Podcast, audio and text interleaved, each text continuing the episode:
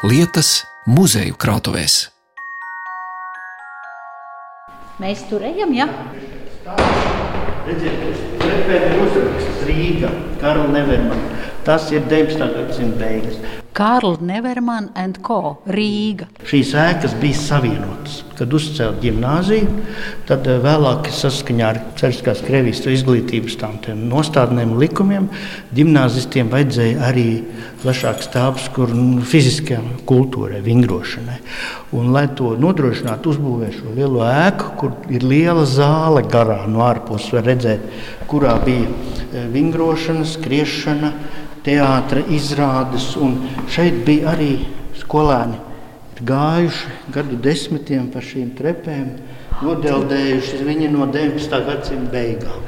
Tātad būtībā mēs staigājam pa veco gimnāzijas mazāko plašu piebūvi. Sekoju ģenerāta Elijasa Jēlgavas vēstures un mākslas muzeja vēsturniekam, galvenajam krājuma glabātājam Aldim Barševskim pa bijušās Jēlgavas akadēmiskās ģimnāzijas jeb akadēmija Petrina piebūves kāpnēm, kuras ved no vienām krājuma telpām uz citām. Sena ēka, kurai līdzās reiz dibināta pirmā augstskola Latvijas teritorijā un kur savulaik tika iekārtots otrs vecākais muzejs Latvijā. Šoreiz viesosimies krātuvē, kur iepazīsim seno jēlgavu pastkartēs un ugunsdzēsēju zīmējumos. Arī uzzināsim, kā hercoga jēkaba laikos te gatavoja ūdensvadus un stāstu par 17. gadsimta lūkšanu pulti. Aldis Barševskis mani vedina uz telpu, kur notiek restaurācija, bet ejot garām vienai no krātuves istabām, tajā pamanu uz grīdas visai neizskatīgu baļķa fragmentu ar caurumu vidū. Lūk, liecība no 17. gadsimta, no tā laika kurzemes un zemgales hercoga Jēkaba valdīšanas laika. Arī no Jālgavas ielas, kad tika gatavots rekonstrukcijai pilsētā, vairākas Jālgavas maģistrālās ielas tika izraktas 3 līdz 5 metru dziļumā ar kapitālu komunikāciju nomaiņu, kurā atradās gan vecās, piemēram, Hercogs Jēkabs laika ūdensvadu fragments no 17. gadsimta. Gan daudz un dažādi sīki priekšmeti, apavi, gliemežu vāki, beidzot ar ļoti interesantiem priekšmetiem, teiksim, jau no 18. gadsimta visādas pudeles. Arī vienkārši tāda tipveida, varbūt 20. gadsimta priekšmeti kā naglas un darba rīki, kas palika pagrabos, kad dega Jālgava. Jūs pieminējāt to hercoga jēkabu ūdensvadu. Es skatos uz kādu pusotru metru garu jā. koka cauruli. Kā var zināt, ka tā ir no hercoga jēkaba laikiem? Viņas atšķīrās. Bija vēl pēdējo reizi Jālgavas zemes dzīvēs. Pēdējo reizi koka caurulis lika 1880. Bet šīs ir resnākas, viņām ir arī cits veids nu, es te nevaru izvilkt šo te aizbīdni, korķīti. Ja, tas viss tā sastiprināts, viņš ir ļoti sauss, bet tur bija pamatā priedes un nozola koks, un vidū nebija urpts. Tas caurums, pa kuru tek ūdens, bet dedzināts ar nokaitētu metāla iesmu. Pie viena piededzināja koksni, un bija sava veida antiseptiķis, lai ūdens tecētu. Otrkārt, viņš nodrošināja stabilitāti, pārogļojās, nesabruka. Un to var atšķirt pēc materiāla, un pēc resnuma un citām lietām. Nu, speciālisti pasaka. Jā.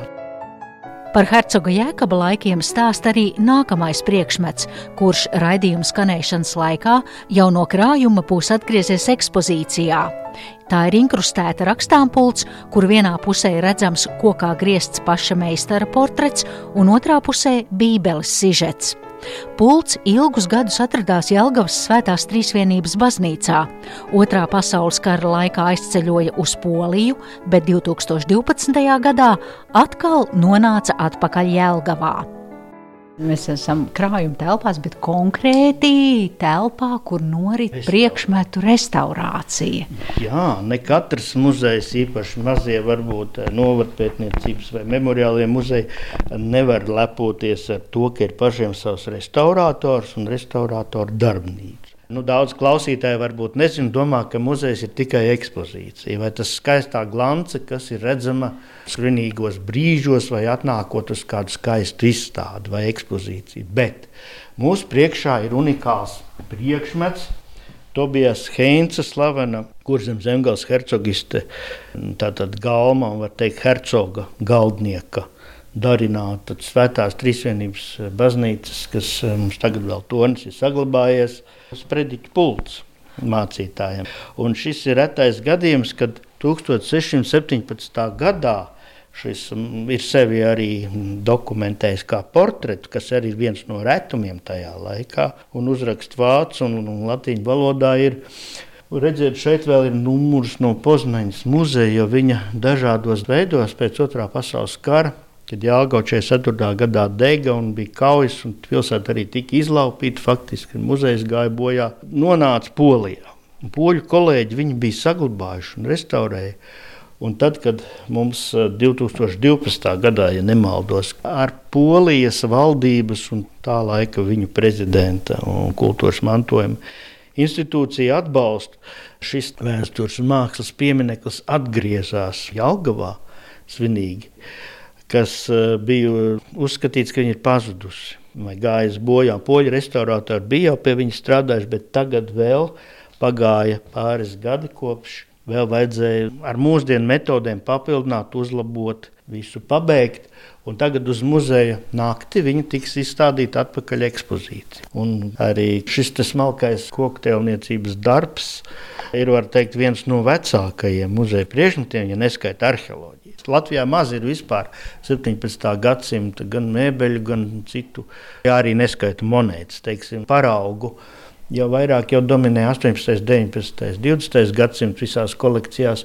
Tad lūk, šis ir viens no rētumiem ar savu unikālu likteni.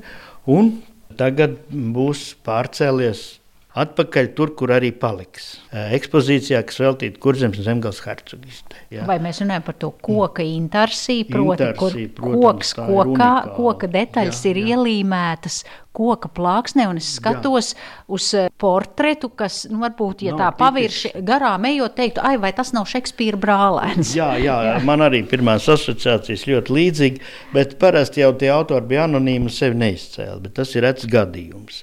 Kā grāmatā versija par Jēlgavas svētās trīsvienības baznīcu raksta akadēmiķis mākslas vēsturnieks Ojārs Spārītis, viens no eksotiskākajiem baznīcas interjera priekšmetiem ir individuāla lūkšanu pults, kura ar savu neparasti grezno veidolu piesaistīja draudzes uzmanību. Šo iekārtu arī papildina verbāla informācija. Pirmais uzraksts vēsta, ka Tobijas Heinze, viņa augstības galma galdnieks, šo pulti ir veltījis dieva godam. Otrs uzraksts pauž biogrāfisku vēstījumu. 1617. gadā es biju 27 gadus vecs. Un trešais, ritmizētās rindās, pārstāsta vecās derības līdzību par Tobiju. Eņģeļa vadīts, Tobijs dodas ceļā, sadala lielo zivi, viņš kā dievbijīgs iegūst dieva žēlastību, atgriežas mājās un iepriecina vecākus, atdodot tēvam redzi. Esi dievbijīgs, tad dievs tevi vadīs.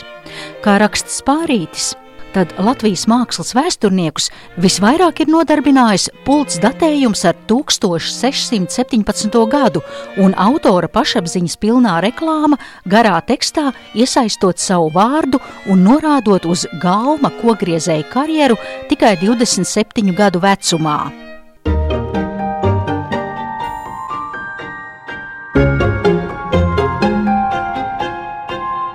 Vietu lietas. Turpinot aplūkot Jelgavas vēstures un mākslas muzeja krātuves bagātības, ir obligāti jāpiemina Aleksandrs Strekāvina pilsētas vēstures dokumentējums. Strekāvins ir bijis gan skolotājs, gan ilgus gadus ir darbojies Jelgavas brīvprātīgo ugunsdzēsēju rindās, bet mūža otrajā pusē rosīgais vīrs pierakstīja savas bērnības atmiņas par Jelgavu un tās arī iemūžināja zīmējumos. Viņš ir gleznojis vēsturiskas lietas, piemēram, akadēmiju Petrina degšanu 19. gadā. Viņš pats viņu dzēsa, Bermantieši neļāva dzēst šo ēku, apšaudīja ugunsdzēsējus, un uh, Aleksandrs Strikāvins vispār ir saglabājis no savas bērnības, no 19. gadsimta 80. gadiem. Viņš atcerās Jelgavu, kāda tā bija pirms Pirmā pasaules kara un arī starpkara periodā un mūsdienās. Un Strikāvina kungam es parādīšu to albumu. Ļoti tādi īpatnēji Jāgavas tipā portreti. Bez viņa atmiņām mēs tagad būtu stipri nabagāti. Tam sešām burtnīcām klāt nāca skaists zīmējumu atlases. Piemēram, šis vecākais Pilsētas teātris, kuru nojauca, jā, kurš ir no 18. gadsimta. Nu, viņš, viņš pats ir zīmējis. Jā. Es skatos uz krāsainiem zīmējumiem mm -hmm. ar tušu. To, ko viņš bērnībā jā. redzēja.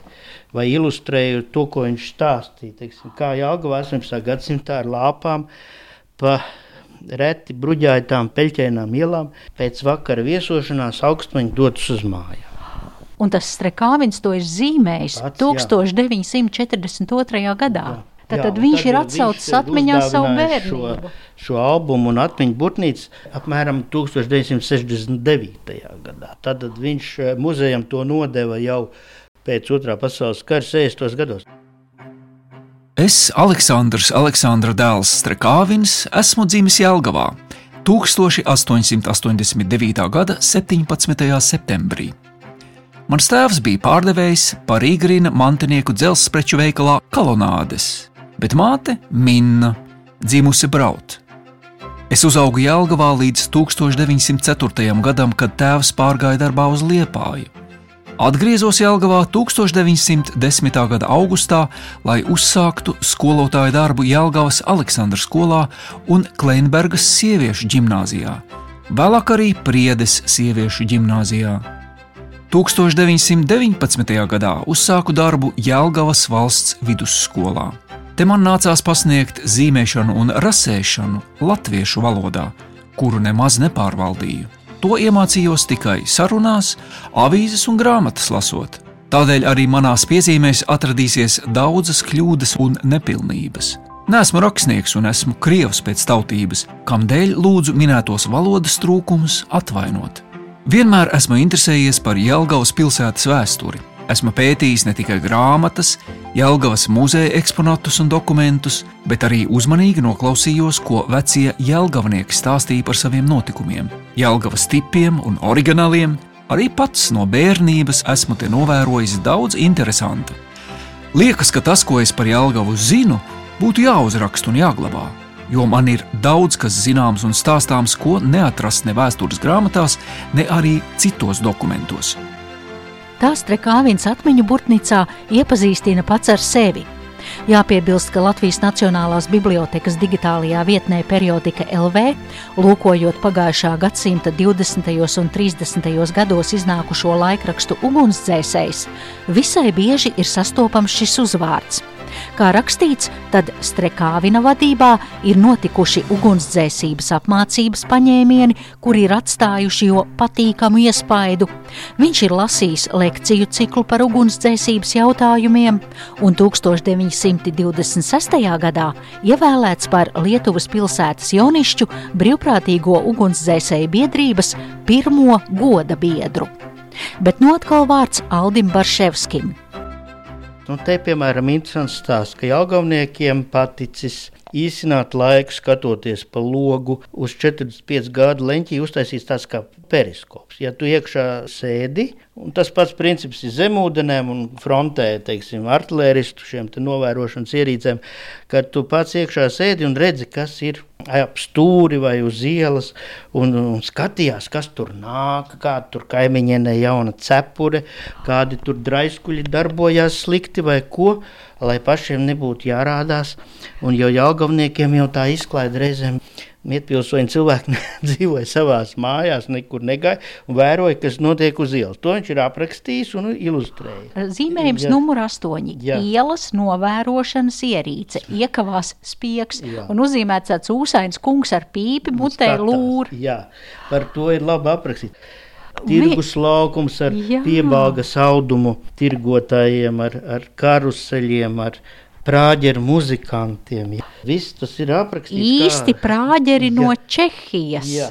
Zīmējums numur 15. Tur tiešām viņš ir izkrāsojis pūtēju orķestris, un blakus matrožu uzvalciņā stāv zēns un, un meitene ar sarkanu banti matos. Jā, Bet te var arī par, viņš ir uzzīmējis ļoti detalizēti kā ģērbās 19. un 20. gadsimtu mijā. Dāmas korsetēs ar lielām pušķainām cepurēm. Balles tērpi. Jālga bija visai konservatīva. Ja Eiropā un Rīgā vēl bija vaļīgākas modes, tad šeit mūsu bieži vien vācu tautības madāms vai kungi bija visai pat karstās vasaras dienās visai e, konservatīvi ģērbti ar augstām apaklēm un tumšos melnos metāļos, gandrīz kā sēru drēbēs, un tas bija tā gados vecākās publikas apģērbs. Nevienās nopietnās avīzēs vai vēstures dokumentos mēs neuzzināsim, ka bija tāds, teiksim, tāds interesants viesmīlis uz kuģa Mītau Abramke, ja, kurš glabāja noslēpumu konkrēts cilvēks. Un tad ir stāsts, kas notika uz šiem kuģiem.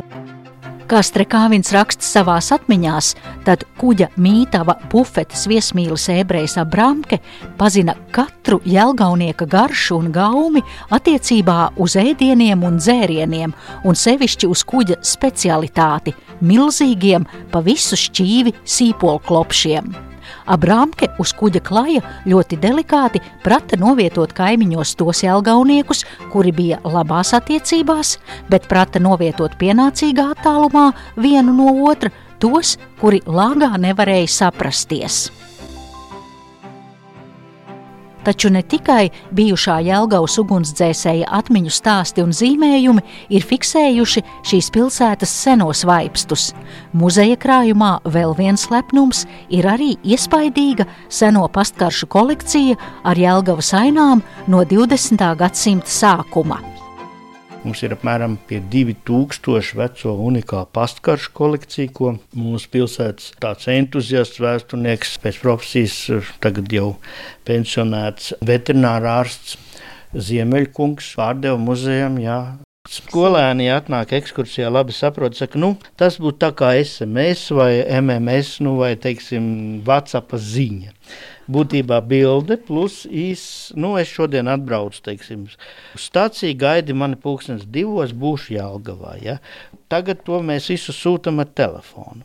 Bet interesanti, ka tajā laikā, teiksim, jā, no rīta sešos kaut kur skrīveros vai kur iemet pasta kartiņu, tad Jālgavā tieši uz to laiku, ka viņam jābūt ap diviem dienā pasniegs piegādāja. Jūs gribat teikt, ka tas ir jā, vienas dienas pārbaudīts fakts. Mūsdienu pasts strādā sliktāk. Vēsturnieki ir noskaidrojuši. Un, nu, un tad sūtīja. Tā mini telegrama ar bildīti, nu citreiz ir garākas Tā. vēstules. Likt tenis ir karuselis. Kas? Tur ir kaut kāds dzējs. Tur parasti meitenes romantiski vai puiši, vai tur neizdevusies mīlestība, bet ļoti daudz tādu īsu dzējoļu. Nu, ko nu rakstai? Nu, es esmu dažus tā apskatījies. Jā, un ko jūs nu, tāpēc es saku, ka pārsvarā sadzīves tēmas, jā, līdzīgi jā. kā tagad izziņas Ļoti skaisti tāds pastnieks, kuram no somas birst ārā tā kā kartiņas telegrāmas, Jāgauts skatu. Un otra ir vācu laikā, kad Pirmā pasaules kara kareivis ir teļādas mugursomu. Un, kad atsprādzē mugursomu, tā, viņi ir telpiski tā paskati.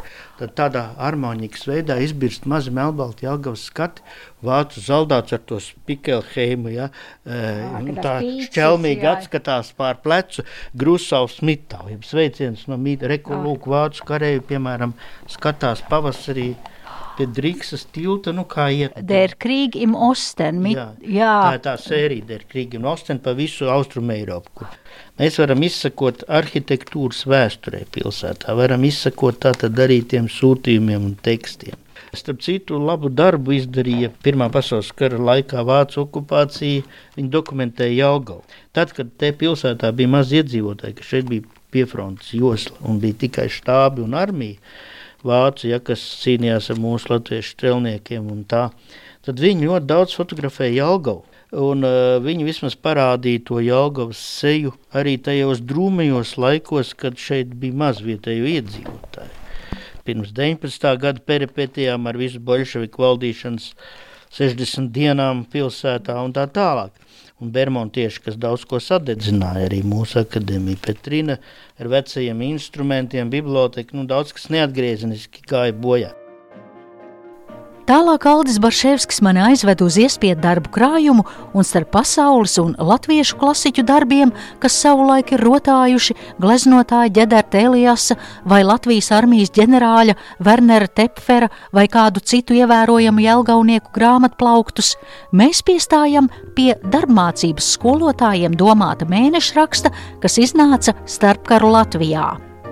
Nu, lūk, tā pedagogiem, ja šeit stāstu, šeit var nākt un lasīt to, kāda bija pedagoģiskās domas vēsture, kādi bija speciālie izdevumi un palīgi materiāli skolotājiem. Un tagad ir šie projektu laiki. Daudziem skolotājiem būtu ļoti interesanti pastudēt tā laika to pedagoģisko mācību literatūru, uzskats līdzekļu vai paraugus. Teiksim. Nu, piemēram, uz ko mēs varam paņemt atvērt. Interesanti roku darba zīmē. Piemēram, kā no koka izzāģēt un uztaisīt visādas lietas. Teiksim, 1926. gada. Roku darba zīmējumi. Jā. Tā, un ko mēs te varam Mēs apskatīt? varam mēs- atrast, kā uztaisīt mājā kaut kādu, Kas tas ir? kaut kādu pagatvēršu. Skolas soli, piemēram, rasējums. Kāds ir skolas solis? Ar...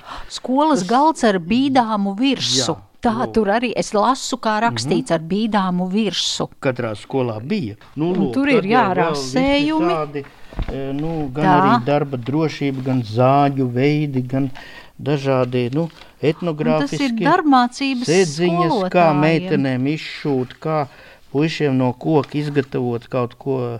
Redziet, nu, Skapis. skapis, jā, lūdzu, sēta, skapis. Rokdarbu mācība un cilvēka fiziskā daba. Gandrīz visi lielie pedagogi atzinuši rokdarbu derīgumu, citi pat to nepieciešamību izglītībā un audzināšanā, un runājuši tiem par labu, bet neviens nav norādījis, kādēļ un kādā veidā rokdarbiem ir izglītojoša un audzinoša nozīme. Bērni ir vislaimīgākie tad, kad viņi drīkst kaut ko darīt, kaut ko strādāt, kaut ko veidot, celt vai sagraut. Jā, sagraut. Bet tas nav labi, vai ne? Apmierināieties! Neaizmirstiet, ka bērnu sagraušanas tieksme nav nekas cits kā bērnu neizveidotā, neapmierinātā, bez vadības atstātā spēcīgā darbības radīšanas dziņa.